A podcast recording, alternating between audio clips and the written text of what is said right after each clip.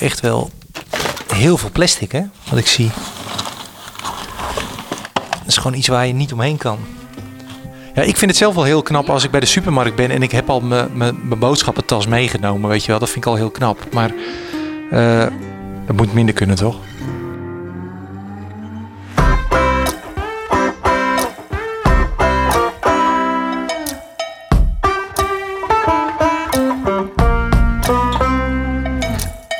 Je luistert naar Plan B en mijn naam is Nick Schilder.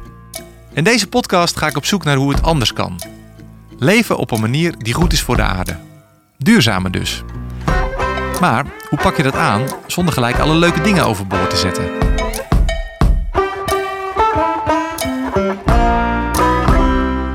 Ja, duurzaamheid dus. Daar ga ik het over hebben. En nu denk je misschien, waarom moet ik, Nick Schilder, daar zo nodig een podcast over maken? Dikke kans dat je mij kent van een heel ander geluid. Rosanne, ik weet dat er heel veel mannen zijn. Elke keer weer een Of deze.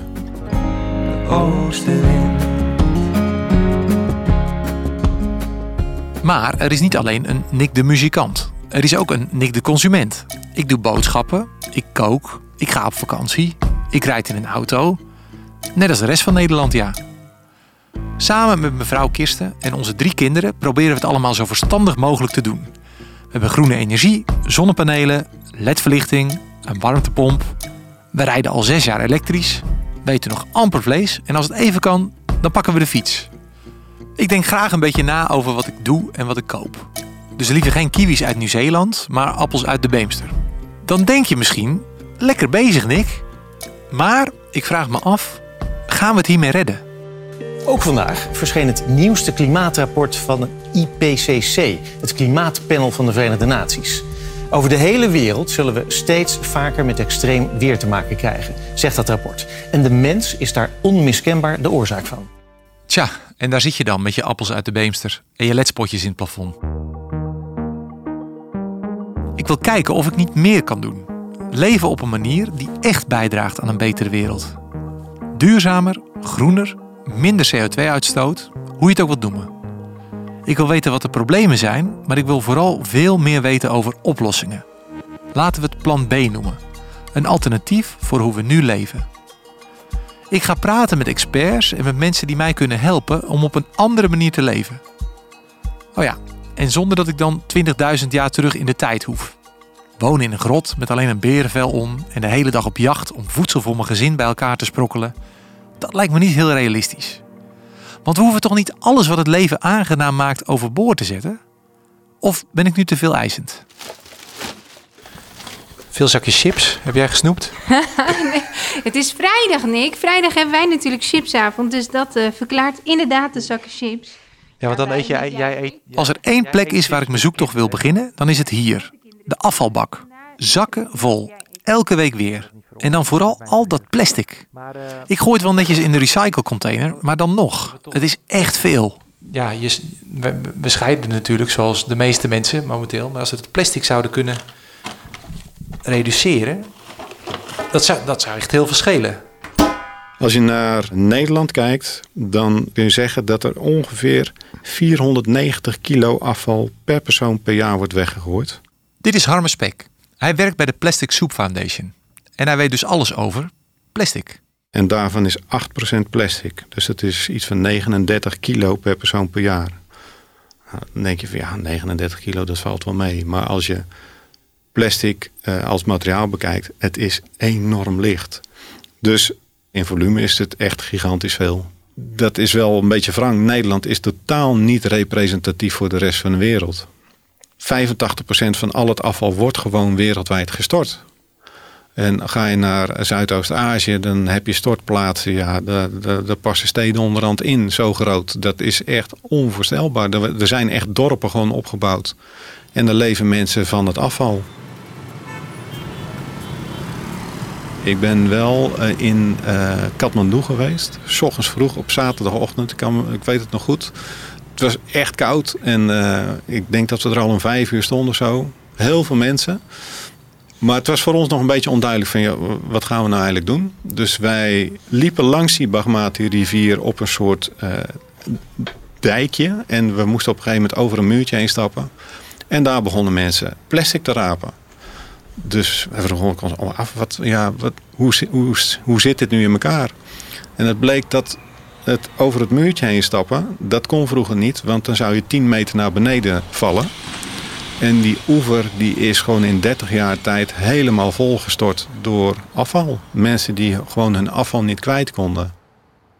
Ja, ik heb het net in mijn eigen vuilnisbak gezien. Alles zit tegenwoordig in plastic. Ik bedoel, ik weet dat mijn oma haar melk nog in glazen flessen kocht. Als je kijkt naar, eh, naar, naar het verleden. Vroeger had je soep als poedervorm, instant soep. hè. Gewoon in een kartonnen doosje, in een zakje. We hadden soep in blik en soep in een glazen pot. Maar sinds een, tiental jaren hebben we inmiddels ook soep in een plastic zak. Plastic is wat dat betreft enorm eh, veelzijdig. En je kan het werkelijk waar overal voor toepassen. En je, je moet het echt zien als een soort doos met oneindige mogelijkheden. Een soort toverdoos eigenlijk. Elk probleem wat er is in de, in de wereld, ja, kan je bijna tegenwoordig wel met plastic oplossen. Is het materiaal er nog niet, dan wordt het gewoon gecreëerd.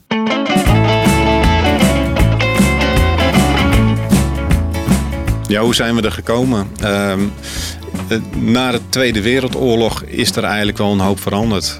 Plastic bestond natuurlijk al, maar veel meer voor industriële toepassingen, voor gebruiksvoorwerpen. Ook wel voor auto's, vliegtuigen, et cetera. Alleen in 1950 eh, kwam plastic steeds meer in ons huishouden terecht. Dus je zag ook in de keuken zag je een hoop veranderen. Eh, throwaway living, zo werd het echt aangeprezen in Amerika door Life Magazine. Van ineens kon je met plastic veel makkelijker leven. Je hoefde je borden niet meer af te wassen, maar je kon het gewoon weggooien, bij wijze van. Dat is wat wereldwijd nu zo'n probleem is. Die, die eenmalige productie voor plastic is enorm aan het groeien. En, en dat zien we ook terug in de plasticvervuiling. Het is bijna allemaal eenmalig eh, materiaal wat we tegenkomen. Tja, al die flesjes water, de plastic zakjes bij de groenteafdeling in de supermarkt, de plastic vorkjes in de snackbar en de chipzakken niet te vergeten. Ik kan het allemaal wel netjes in de plastic container gooien en hopen dat daar weer nieuwe plastic zakjes van gemaakt worden. Maar wereldwijd ligt het toch net ietsje anders.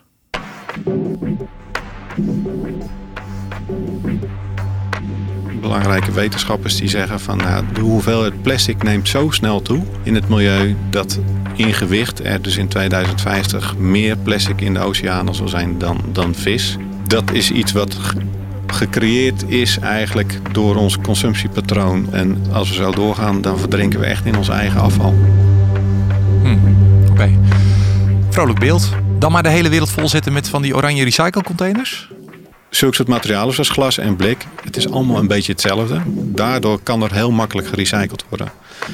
Eh, en dat is met plastic gewoon heel anders. Eh, juist door de hoeveelheid verschillende soorten is dat echt een, een groot probleem. Oké, het recyclen van plastic klinkt leuk, maar een echte oplossing? Nee. Dus dan zit er eigenlijk maar één ding op. Je kan het natuurlijk wel iets beperken met, met campagnes en, en bewustwording. Maar wij denken bij de Plastic Soup Foundation dat het veel meer zit in het terugdringen van de hoeveelheid. Dus we zullen echt op zoek moeten naar meermalige toepassingen. Dus eh, hervulbare bakjes, eh, hervulbare flessen. Omdat het waarschijnlijk de enige manier is om het tijd te keren. Wat je het zelf kunt doen is, is eh, zoveel mogelijk plastic vermijden uiteraard. Proberen zo min mogelijk plastic te kopen. En dan moet je toch kijken van hoe, hoe je dat voor elkaar kan krijgen. Dan moet je echt op zoek. Je kan als consument ook gewoon kritischer en mondiger worden. Ik denk dat dat ook echt wel van belang is. Want ik denk dat de consument nog steeds echt koning is. En dat we ook druk uit kunnen oefenen. En dat we ook kunnen laten horen aan, aan producenten en, en, en verkopers en retailers. Joh, we zijn het gewoon zat. We willen gewoon echt minder plastic. En ga er nu echt eens iets aan doen.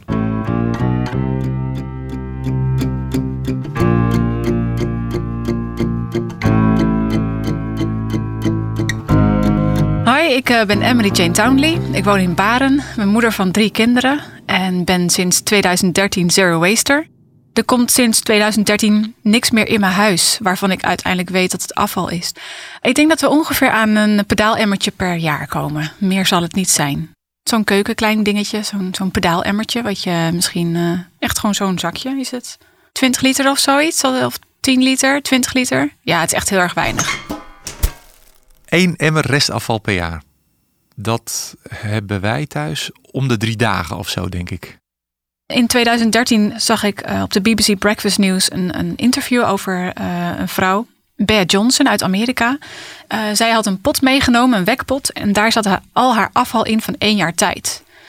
En ik was gewoon op dat moment echt gechoqueerd, omdat ik dacht van dat afval wat zij daar neerzet is ongeveer het afval wat ik per dag produceer. Dus het was echt dat ik dacht van, nou ja, als zij dat kan, dan moet ik dat ook wel, eh, ook wel kunnen. Ik vond het een heel eh, dubbel gevoel om een duurzame levensstijl te, te hebben. Je probeert wel je best te doen en dan, dan breng je toch elke keer weer een kliko naar de straat. En dan zet je het daar neer en dan denk je van nee, het, het voelt echt gewoon niet goed. Dit is niet de bedoeling. En eh, het deed me echt zeer.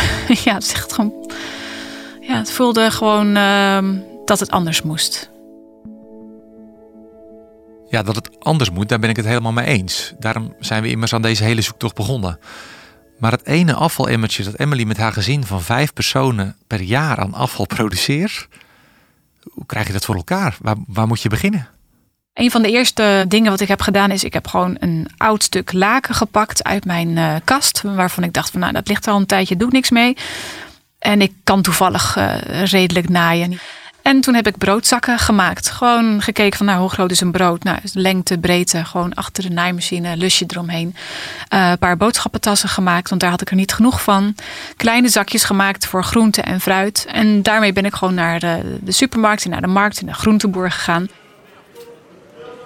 En elke keer als ik een appel nodig had, eh, of een paar appels, dan deed ik dat allemaal daarin. Elke keer als ik brood nodig had, deed ik daar mijn brood in. En zo ging het verder.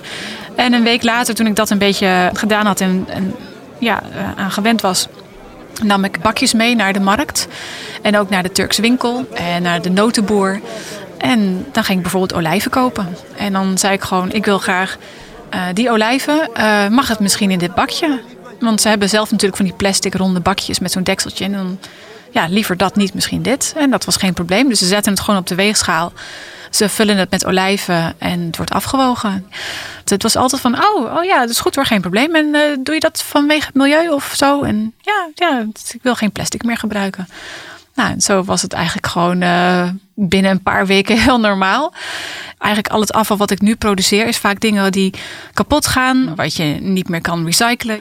En ehm, je hebt bijvoorbeeld ook eh, in de badkamer ontzettend veel mogelijkheden. Van deodorant tot eh, shampoo. Het is allemaal vrij eh, van, van plastic te krijgen. De wasmand is eigenlijk soort met van de afvalbak. Want daar gaan dan de, de wasbare pads in. In plaats van dat je wattenschijfjes gebruikt.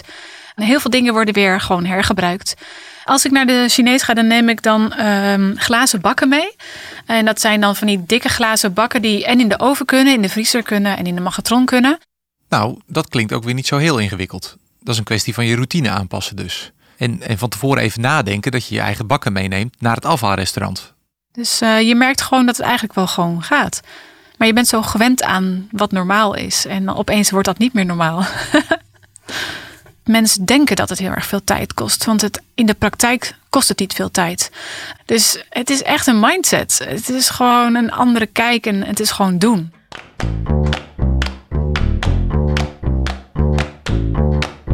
Als je iets leuk vindt, dan, dan gaat dat ook vanzelf. Maar heb je die tijd minder, dan eh, kan je het gewoon stapje voor stapje doen.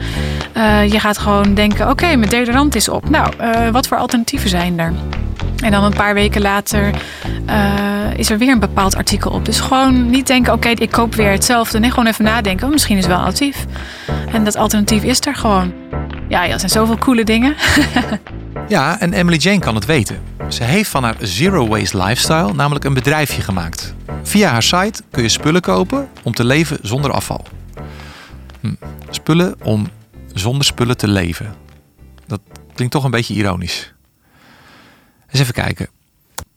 Oh, nou, dat, dat is wel handig. Eh, ik zie hier wattenschijfjes van stof.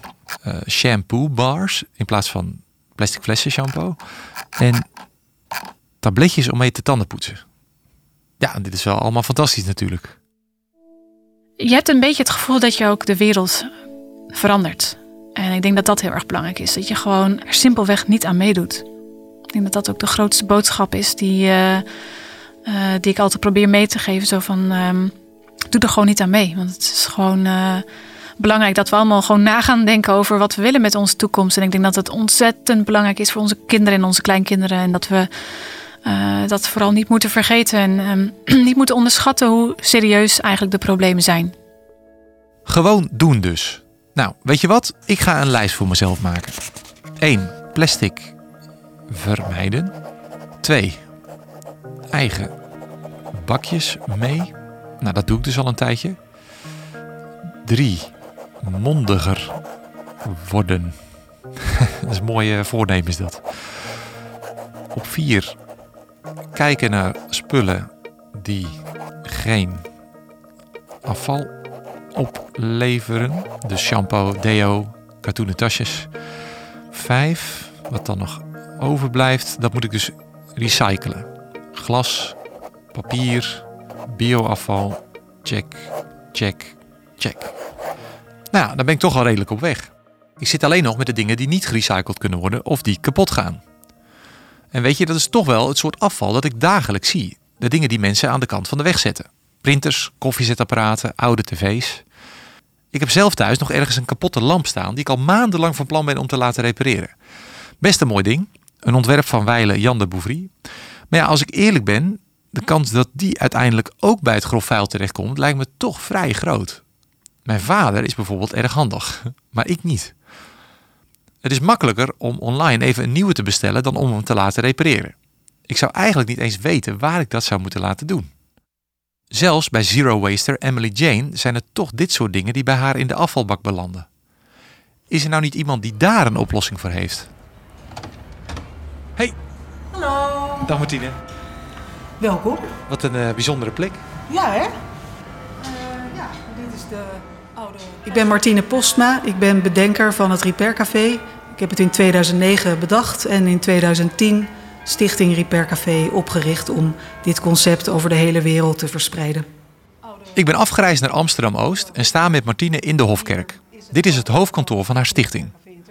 Net als bij Emily Jane is haar stichting ontstaan uit frustratie. Ik was journalist en ik schreef over duurzaamheid en milieu en specifiek over afvalvermindering.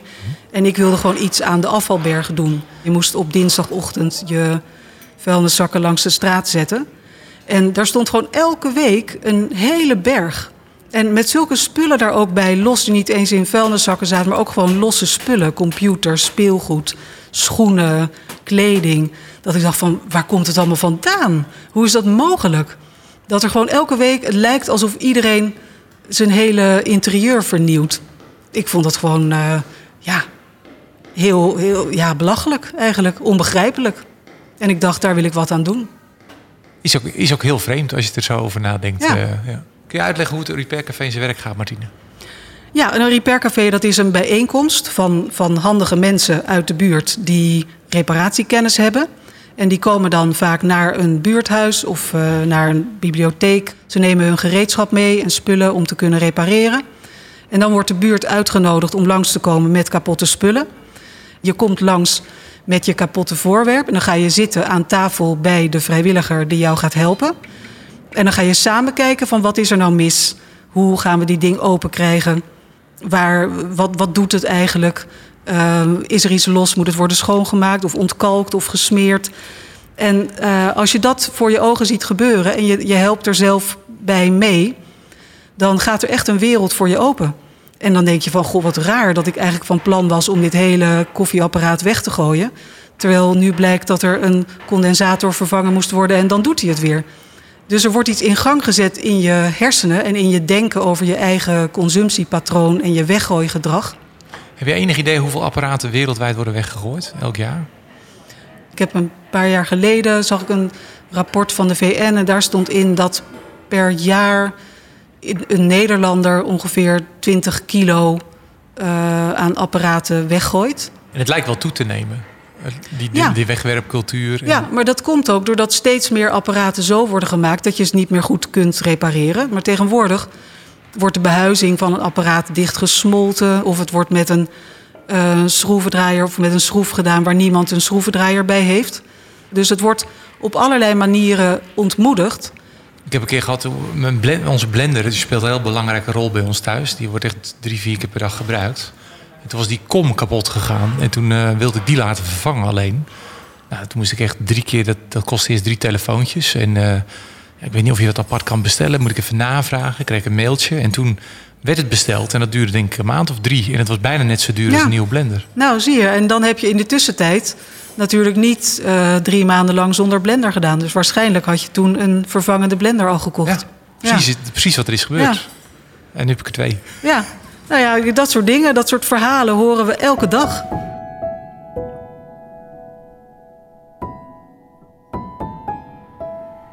Maar je moet er zelf dus bij zijn als je iets laat maken. Ik, ik kan niet iets afleveren en zeggen hoe laat is het klaar. Dat, dat, Zo Nee. werkt het niet bij Nee, Repair nee. Café. Nee. Nee, Repair Café is geen reparatiewinkel of geen reparatiedienstverlening. Het is echt een, een bijeenkomst waarbij je zelf aan de slag gaat samen met de reparateur om te zien wat is er nou mis. Het zou voor mij wel goed zijn, denk ik. Want ik kan me ook niet herinneren met, met handarbeid op school. Dan knutselden we wel eens wat. Maar ik heb niet echt technieklessen of iets dergelijks echt gehad. Kinderen hebben nog nooit een soldeerbout gezien, hebben nog nooit met een naaimachine mogen werken, hebben soms niet eens een hamer mogen vasthouden. En van je ouders was het veel normaler, want er waren minder spullen. Spullen waren over het algemeen duurder, dus het was veel minder makkelijk om iets nieuws te kopen als er iets stuk ging. Dus waren mensen steeds waren mensen veel gemotiveerder om hun spullen in orde te houden en ze te repareren als ze kapot waren. Ik heb wel hier een, een, een, een lamp van Weile Jan de Bouvry. En eh, die heb ik gekregen. En die, eh, dat, dat gaat boven mijn pet. Dus dit, dit heeft met elektriciteit te maken. En dan, eh, Ja. ja, dan, dan moet ik in iemand anders, denk ik, mijn meerdere erkennen. Die doet het niet meer. Nou, dan denk ik dat je bij Jan aan het juiste adres bent. Ik ben Jan en ik ben werkzaam bij Repair Café sinds 2014. Dus dan mag je dat verwachten. Eh, Weet je of het onderdeel nog, het nog doet, eh, Nick? Dat onderste volgens mij wel en het bovenste niet.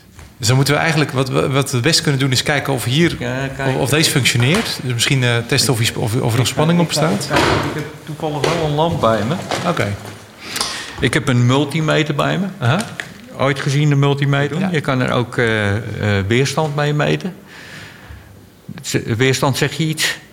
Ja, ik, een beetje ampère en zo, en ohm en eh, volt. Dat zijn al Oom, de... oom is eh, waar... eh, Best gek eigenlijk. Die lamp is echt al jaren stuk. Maar ik ging nu pas voor het eerst kijken hoe die lamp in elkaar zit. Wat het probleem was. Als er nou geen weerstand is, dan geeft het apparaat een piepje. Oké. Dan hoef ik niet op het schermpje te kijken, terwijl dan weet ik toch of... Nu ga ik die lamp natuurlijk nooit meer wegdoen. Ik ben stiekem toch wel een beetje trots op mezelf. En ik denk mijn vader ook. Die had zeker niet gedacht dat ik dit zou kunnen. Misschien ga ik hem even bellen om te zeggen dat hij niet langer de enige handige man in de familie is. Ik, ik dacht iets te zien, ja. Ik dacht, ik dacht, ik dacht wel een, een, een klein lichtje te zien net, ja. Het leek, eh, hij leek even te werken, maar hij ging ook direct weer uit. Dus ik zou het liefst de schakelaar open... Nou, Nick de consument is weer een stukje wijzer geworden. Oh ja, en die lamp staat inmiddels gewoon weer in de woonkamer. In de volgende aflevering duik ik de kledingkast in.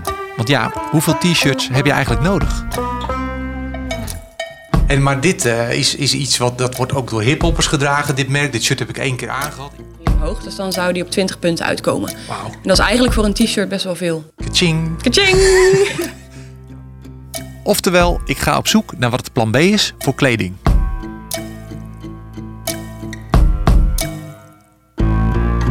Dit was Plan B, een podcast van de Nationale Postcode Loterij. De loterij voor een groene en rechtvaardige wereld. En mijn naam is Nick Schilder. Ik vind het geweldig dat de Postcode Loterij dankzij haar deelnemers al ruim 7 miljard euro aan meer dan 100 goede doelen heeft kunnen schenken en zo bijdraagt aan een betere wereld. Wil je meer weten over deze podcast en over hoe jij duurzamer kunt leven? Kijk dan op planbdepodcast.nl. Wil je geen aflevering missen? Zorg dan dat je je abonneert op Plan B in je favoriete podcast-app. En dankjewel voor het luisteren.